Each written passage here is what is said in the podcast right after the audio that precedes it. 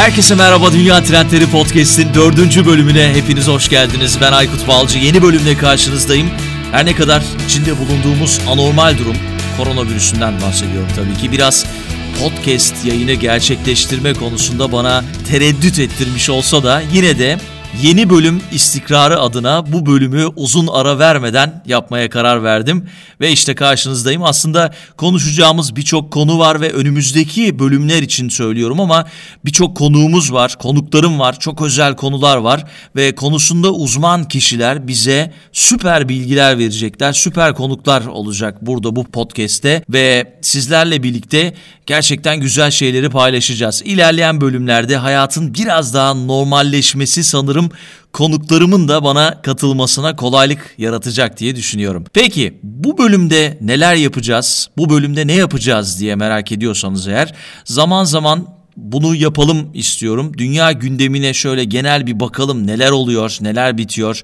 Birlikte böyle kenarda köşede kalmış dikkatimizden kaçan haberleri paylaşalım istiyorum. O zaman hazırsanız yeni bölüme başlıyoruz.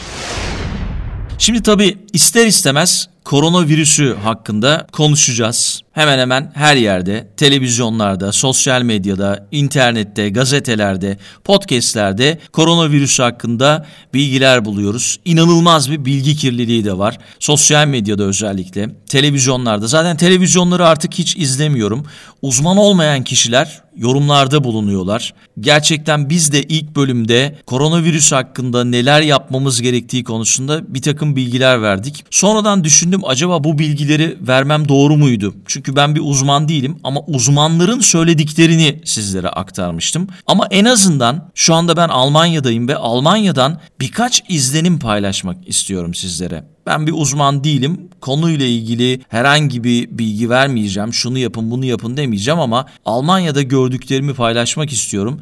Bir kere bizim ülkemiz şöyle, başka ülkeler böyle gibi karşılaştırmalara da girmeyeceğim. Onu baştan söyleyeyim. Ama podcast'i takip edenler biliyorlar. Şu anda Türkiye'ye gelemiyorum. Koronavirüs nedeniyle gelemiyorum. Sınırlar kapanmış durumda. Uçaklar iptal oldu. Tabii ki normalleşmeyi bekliyoruz. Onun dışında tabii evde zaman geçiriyorum. Eminim ki birçoğunuz da bugünlerde evde zaman geçiriyorsunuz. En son 9 gün sonra dün dışarı çıktım ve o da alışveriş yapmak için 9 gün boyunca evde kalmayı başardım. Şimdi okulların burada tatil olduğunu bir kez daha söyleyeyim. Onun dışında gözlemlediğim şey parkların kapalı olduğu. Nasıl kapatıldı diye soruyor arkadaşlarım. Parkın etrafını bir şeritle çevirip bir yazı asmışlar. Bu kadar basit ve kimse kullanmıyor. Yasağı çiğnemiyor. Onun dışında az önce de söylediğim gibi markete gitme şansım oldu. Gerçekten marketlere gitmek psikolojiyi bozan bir durum. Çünkü markette dolaşırken bir kere raflar boş. Her iki dakikada bir anons yapılıyor bir buçuk metre mesafenizi koruyun, dikkat edin şeklinde anonslar yapılıyor. İşte market arabasının boyu 1.20 ona göre kendinizi ayarlayın deniyor. Un yok, yağ yok, makarna yok, tuvalet kağıdı yok ve insanlar burada da çok fazla dinlemiyorlar gördüğüm kadarıyla ve ihtiyaçlarından fazlasını alıyorlar. Markette biriyle karşılaştığınız zaman kaçacak yer bulmaya çalışıyorsunuz. o aradaki o bir buçuk metre mesafeyi korumak için. Tabii bu benim bulunduğum bölgeyle alakalı bir durum. Ben Frankfurt'a yakın Weinheim'dayım ve belki Almanya'nın ya da Avrupa'nın farklı şehirlerinde böyle sıkıntılar yoktur diye düşünüyorum. Diğer konularda dışarı çıkmama, e, mesafe durumu, toplu taşımalardaki e, boşluklar. Şimdi birçok konuda dünyadaki birçok ülke kurallara dikkat etmiyor.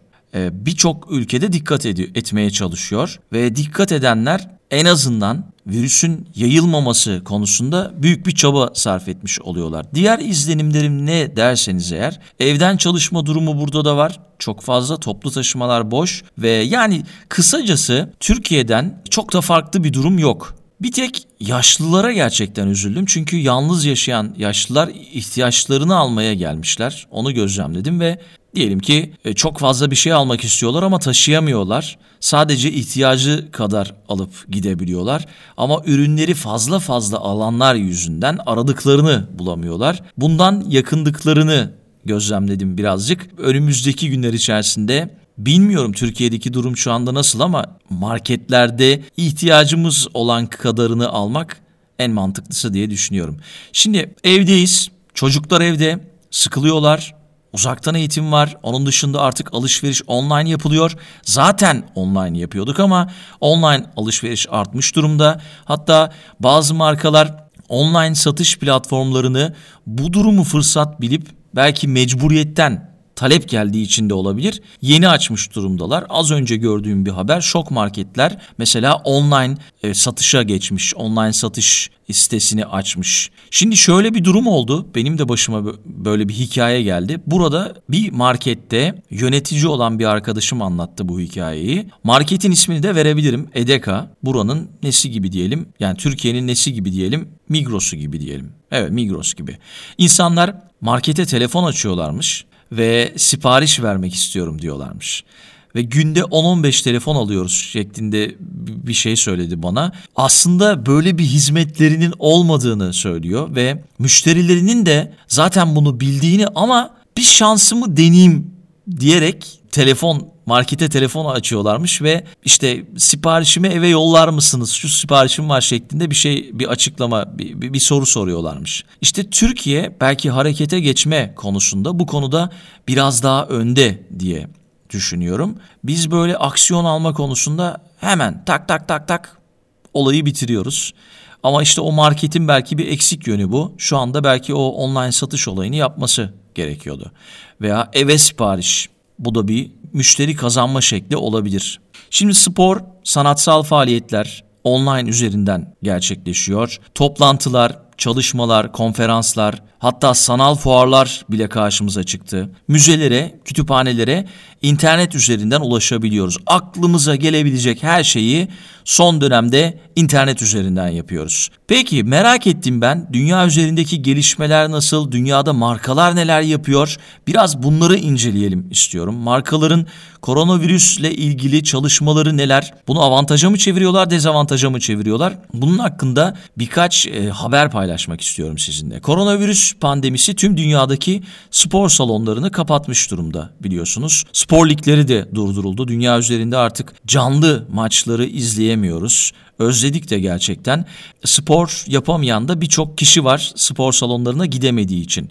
Şimdi Nike, Nike severler için yeni bir kampanya başlattı. İçeride kalın kampanyası. Eğer dünyada milyonlarca insan için oynamayı hayal ettiysen şimdi senin şansın içeride oynayın, dünya için oynayın şeklinde bir kampanya duyurdu.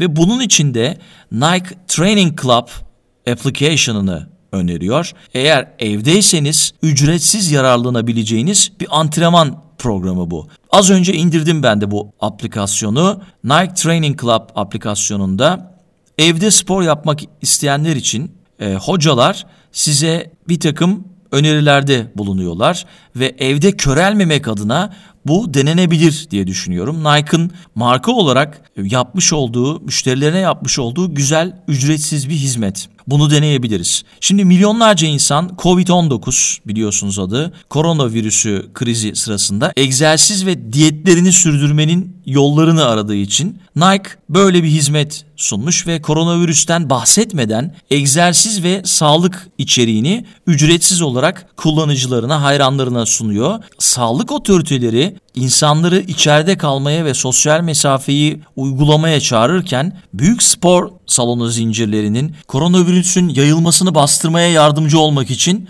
operasyonlarını askıya aldığını biliyoruz. Nike'ın içeriğine baktım. İçeriğini serbestçe erişebilir kılmış ve daha fazla potansiyel müşteriye ulaşmayı hedefliyor. Burada tüketiciler arasında markayla olumlu bir ilişki kurmuş durumda. Yaptığı iş gerçekten başarılı diye düşünüyorum.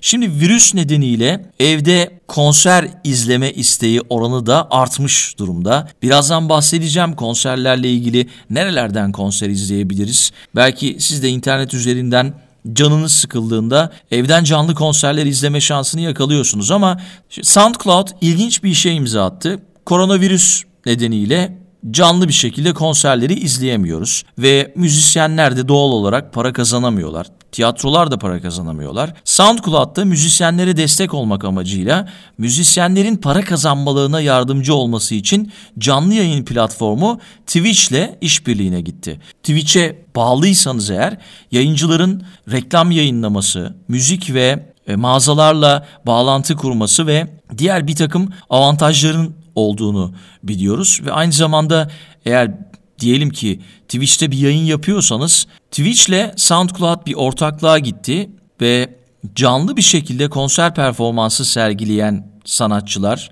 amatör sanatçı da olabilir bu. Twitch sayesinde para kazanmayı sağlayacak. SoundCloud sanatçıların hesaplarını Twitch ile entegre edecek ve daha sonra Twitch hesabı oluşturmalarını isteyecek ve daha sonra da satış ortağı durumuna göre hızlı bir şekilde izlenebilmeleri için çevrim içi bir form doldurmaları gerekiyor.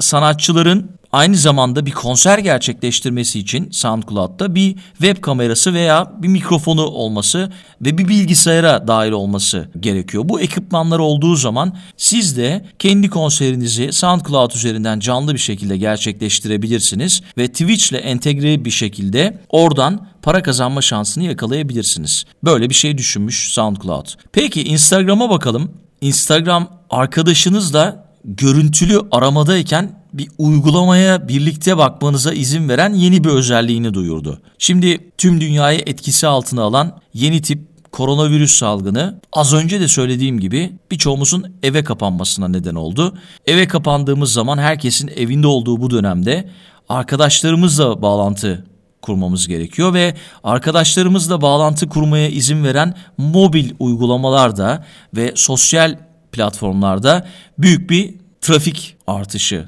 yaşandı. Instagram da böyle bir özellik duyurdu. Onun dışında mesela Netflix Party gibi Netflix'i arkadaşlarla izlemeye izin veren tarayıcı uzantıları da popülerlik kazanmış durumda. Evde kal diye bir kampanya var ve biliyorsunuz sosyal medyada çok büyük ses getirdi. Evde kal hashtag ile kampanyaya yeni bir özellikle katılan son uygulamanın da Instagram olduğunu söyleyelim. Instagram da böyle bir uygulama yaptı. Biraz açarsak bu uygulamanın ne olduğunu, insanların birbiriyle bağlantıda kalmasına yardımcı olmak için birlikte izleme adı verilen çoklu görüntülü aramaya izin veren yeni bir özellik. Direkt mesajlardan veya doğrudan bir sohbetin üzerinden erişilebilen yeni özelliğin dikkat çeken tek yanı toplu videolu görüşmelere izin vermesi değil. Yeni özellik sayesinde kullanıcılar mesaj kutusundan veya doğrudan bir görüşmeden görüntülü sohbet simgesine dokunarak görüntülü sohbette başlatabiliyorlar. Gerçekten güzel. Bu önümüzdeki günlerde çok fazla kullanacağımız bir özellik diye düşünüyorum. Bu noktada görüntülü arama ekranının hemen sol alt köşesinde yer alan fotoğraf simgesine dokunarak kaydettiğiniz, beğendiğiniz veya önerilen fotoğrafları veya videoları görüntüleyebiliyorsunuz. Şimdi tabii evdeyiz. Dijital platformlara yönelmiş durumdayız. Bunu podcast'te çok sık yineleyeceğim. Markalar da elini taşın altına koyuyor ve bir takım kampanyalar yapıyorlar. Amazon Prime Video küçük çocuklara yönelik düzinelerce televizyon şovunu ve filmini ücretsiz olarak kullanılabilir hale getirdi. Baktım az önce İngilizce ama belki işinize yarayabilir. Podcast'in açıklama kısmına da bir tane link koyacağım. Oradan bakabilirsiniz. İngilizce de olsa belki çocuklarınıza izletmek istersiniz. Ücretsiz bir şekilde izleyebilirsiniz. Aynı zamanda sesli kitapların da bazılarını yine Amazon ücretsiz yapmış durumda. Sadece kayıt olmanız yeterli ve yine Sesli kitaplar da İngilizce ama İngilizce bilen çocuklar vardır diye düşünüyorum ya da geliştirmek isteyen çocuklar. Onlar belki buradan ücretsiz bir şekilde ulaşabilirler. Şimdi virüsün uzun vadeli olacak olması yani beklenti bu şekilde evdeki çocukların ne olacağı konusunda nasıl vakit geçireceği konusunda aileleri yani hepimizi ben de öyle tedirgin etmiş durumda. Kaliteli vakit geçirmek istiyoruz ve sağlam içerikler bulmak istiyoruz.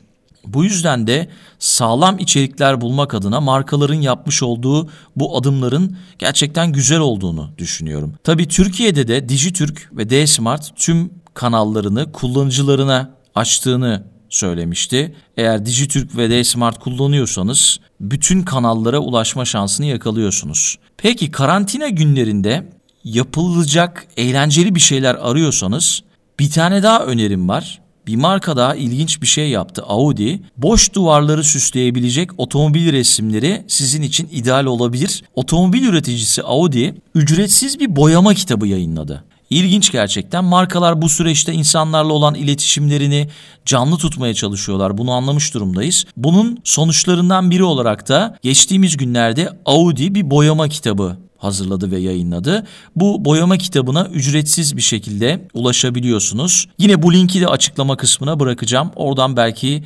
ulaşmak isteyenler olabilir. Audi'nin tutkunu boya sloganıyla yayınladığı boyama kitabı gerçekten eğlenceli gözüküyor. Ben de az önce göz attım ve birbirinden farklı araçların ve Audi logolarının yer aldığı boyama kitabında çeşitli dönemlerden Audi araçlarını görüyorsunuz. Bunları boyayabiliyorsunuz. Şimdi kitap çocuklardan çok yetişkinlere hitap ediyor gibi gözükebilir. Ama 6 yaşından büyük çocukların zorlanmadan bu kitaba ulaşıp boyayabileceklerini düşünüyorum. Xbox markasının başındaki isim Phil Spencer yayınladığı bir blog yazısında Minecraft Marketplace'e oyuncuların indirip keşfetmeleri için eğitici içeriklerin ücretsiz olarak eklendiğini duyurdu. Böyle bir açıklama yaptı. NASA ile işbirliği yapılan Uluslararası Uzay İstasyonu, robot kodlama eğitimi, Washington DC'nin ikonik yerleri ve bunlar gibi çok daha fazla içerikle birlikte yayınlanan eğitim kategorisi oyuncuları bekliyor şeklinde bir açıklama yaptı. Bu da güzel gerçekten. Kategoriye ilerleyen zamanlarda daha fazla içerikler ekleyeceklermiş ve şu anda ücretsiz olan bu içerikler 30 Nisan'a kadar da ücretsiz kalacak. E, çocukların bu şekilde oyun konsollarından daha verimli olarak yararlanabileceği bu gelişmeler biz ebeveynleri memnun etmiş durumda diyorum. Çünkü çocuklar bir yandan eğlenceli vakit geçirirken bir yandan da öğrenmiş olacaklar. Şimdi yeni bir araştırma geçtiğimiz günlerde okumuştum. Teknolojiyi kullanarak uzun süre geçiren çocukların obeziteye daha yatkın olduğu öne sürülüyor. Bir grup çocuk sağlığı uzmanı da artan çocuk obezite düzeyleriyle sık sık sosyal medyaya maruz kalma arasında güçlü bir bağ olduğunu söylüyorlar. Bu bulgular ışığında da ebeveynleri çocuklarının günlerini 90 dakikayla sınırlandırarak harekete geçmeleri konusunda uyarıyorlar. Ama şu durumda bunu yapmamızın imkansız olduğunu düşünüyorum. Çünkü hepimiz evdeyiz, çocuklarımız evde ve evden çalışan çok fazla beyaz yakalı var. Mesela ben de evdeyim. Sabahın 8'inde kızım uyanıyor.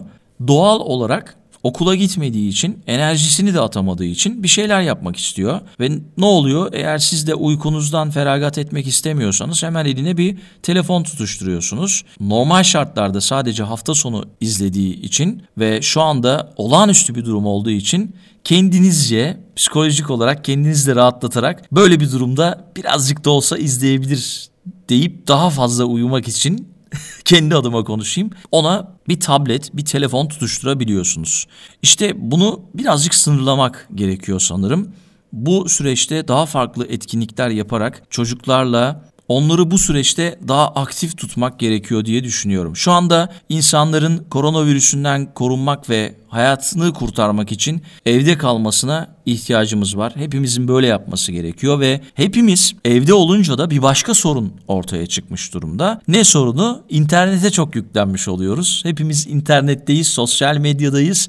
İnternet üzerinden bir şeyler izliyoruz. Daha doğrusu, daha önemlisi herkes evden çalıştığı için home office çalıştığı için interneti çok fazla kullanıyoruz. Sadece Türkiye'de bu böyle değil, bütün dünyada bu böyle ve son dönemde internet hızıyla ilgili de bir takım sorunlar yaşıyoruz diye düşünüyorum. Eminim siz de yaşıyorsunuzdur. Sosyal medya platformlarında bu internet hızları ile ilgili bir takım önlemler alındı. Nedir? Mesela TikTok var. Çok sevdiğim bir platform değil. Bilmiyorum siz seviyor musunuz ama Avrupa'daki şebeke altyapısını rahatlatmak için 30 gün boyunca HD içeriklerinin oynatılmasını kısıtlayacağını açıkladı. Koronavirüs salgınının yarattığı kriz nedeniyle Avrupa Birliği belki takip ettiniz geçtiğimiz haftalarda çevrim içi yayın platformlarına ulaşarak Avrupa'daki şebekenin istikrarını garantilemek amacıyla iletim hızını düşürmelerini istemişti. Bilmiyorum Türkiye'de böyle bir durum oldu mu ama mutlaka Türkiye'de de olmuştur. YouTube, Netflix, Apple ve Disney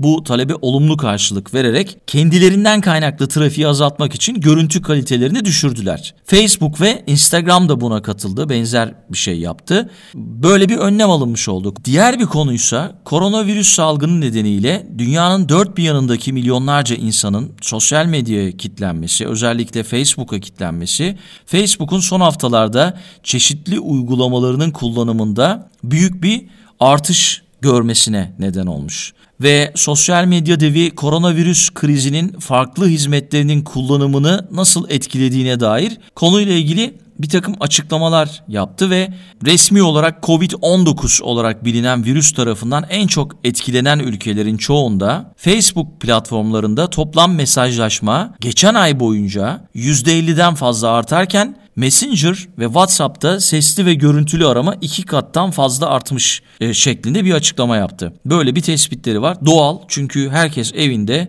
sosyal medya üzerinden konuşuyor. Messenger'ı kullanıyor, WhatsApp'ı kullanıyor, görüntülü konuşmayı kullanıyor.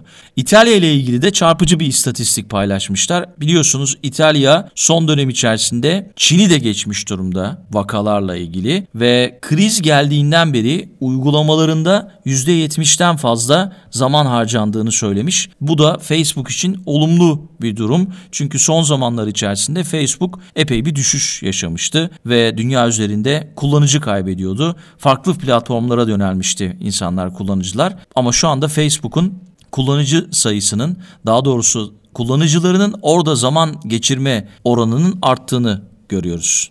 Şimdi tabii internet hızıyla ilgili bir takım sorunlar yaşadığınızı tahmin ediyoruz ve Avrupa'da da birçok insan böyle bir sorun yaşıyor ve BBC de internetten en iyi şekilde yararlanmak için bir ipucu listesi yayınladı. Yani Wi-Fi sinyallerinden nasıl daha etkin bir şekilde yararlanabiliriz şeklinde bir şey yayınladı.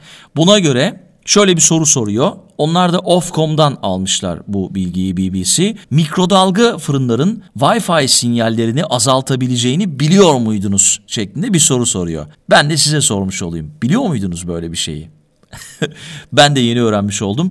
Bu yüzden görüntülü arama yaparken, HD video izlerken veya çevrim içi önemli bir şey yaparken mikrodalga fırını kullanmamamız gerekiyormuş. Bilmiyorum evde çok fazla kullanıyor musunuz mikrodalga fırını ama eğer saydığım şeyleri yapıyorsanız mikrodalga fırını kullanmamak gerekiyor ve, müm- ve mümkün olduğunca modemi uzak tutmamız lazım gereken bazı araçlar gereçler varmış. Neler bunlar? Telsiz telefonlar, bebek monitörleri, halojen lambalar, bilgisayar hoparlörleri ve televizyonlar ve monitörler. Bunları uzak tutmak gerekiyor modemin yakınında bulundurmamak gerekiyor ama genelde modemler hep televizyonların yanında oluyor.